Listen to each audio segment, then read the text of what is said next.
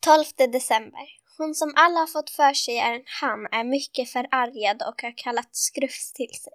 JT har passerat en gräns, dundrar hon och Skrufs nickar förskrämt och suger på sin svanstofs som han ofta gör när han blir nervös. Du menar det där med Jesusbarnet, får han fram till sist. Och det är klart att hon menar Jesusbarnet. Alla Jesus barn i alla julkrubbor i alla människornas hem, där det finns julkrubbor i världen. Jag menar alla Jesus barn, ritar hon. Skelett, där går ändå en gräns, skrufs.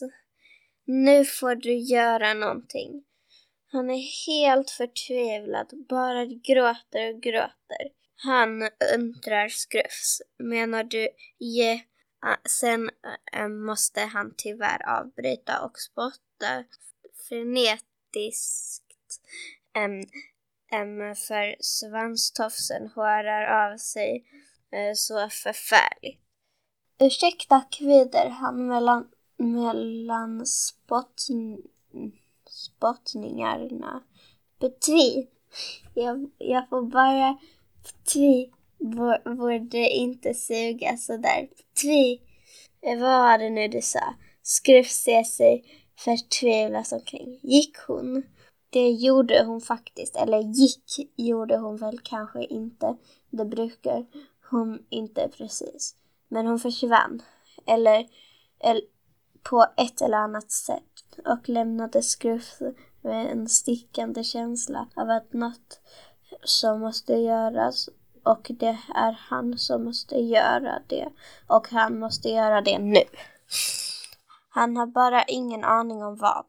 Tror du att det där fungerar? fräser JT när Skruff kommer lommade tillbaka um, till hans sida. Titta Skrufs, vad, vad, den där, uh, vad den där flickan har gjort.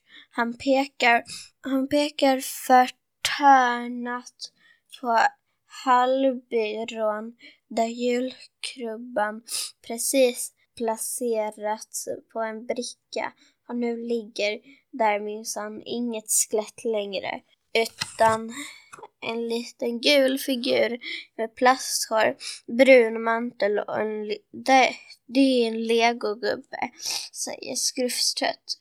Lego Star Wars, tror jag. Snälla JT, nej! Kan du bara inte låta den? Du kan... Um, nu far ytterdörren upp och Tilda och hennes pappa tumlar in i hallen. Och Tilda är så uppspelt att hon inte ser den rödklädda gestalten vivla förbi blixtsnabbt uppslukas men spegeln smälter till mot, väggen mot väggen och hamnar lite snett. Hoppsan, säger pappa och rättar till den. Vi ska nog inte slå igen dörren så där.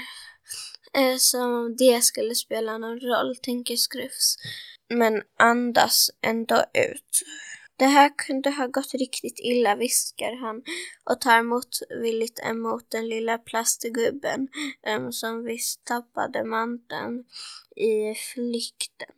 Tilda sprakar av, eh, sparkar av sig kängorna och slänger jackan eh, och halsduken och vantarna i ett slarv, i slarvig våt hög.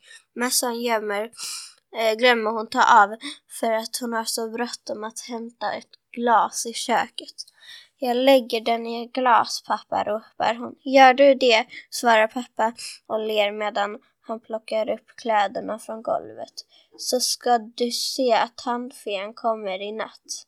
ITs ögon är stora och runda. Jag vet att tandfen kommer, säger Tilda och, och går för att ställa glaset med med tanden bredvid sängen. Bara man tror på henne och det gör jag ju.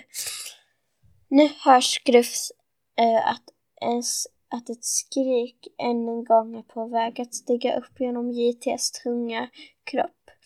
Och när han inser att han måste förhindra det och han ska just försöka när någon annan hinner före Nu läggs JTs hand för... nu läggs en hand för JTs mun. Och den är ganska liten och ganska smal. Och fingrarna är nog lika långa som fingrar. Men de är inte håriga och inte, du, inte ett dugg håriga. Och de har absolut inga klor. Skruff vet precis vem handen tillhör. Bra att du kom, viskar han. Ingen orsak, säger hon som kommit och låter handen ligga kvar när hon nickar mot julkrubban borta på byrån. Vad är det där i halmen, JT, säger hon. Det låter som om han spottar fram orden när han svarar. Ett nytt skelett.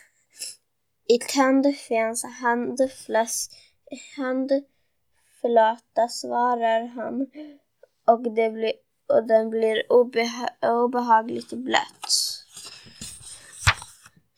Jag heter Nina och går i 3B. Hoppas att ni lyssnar um, på kapitel 13.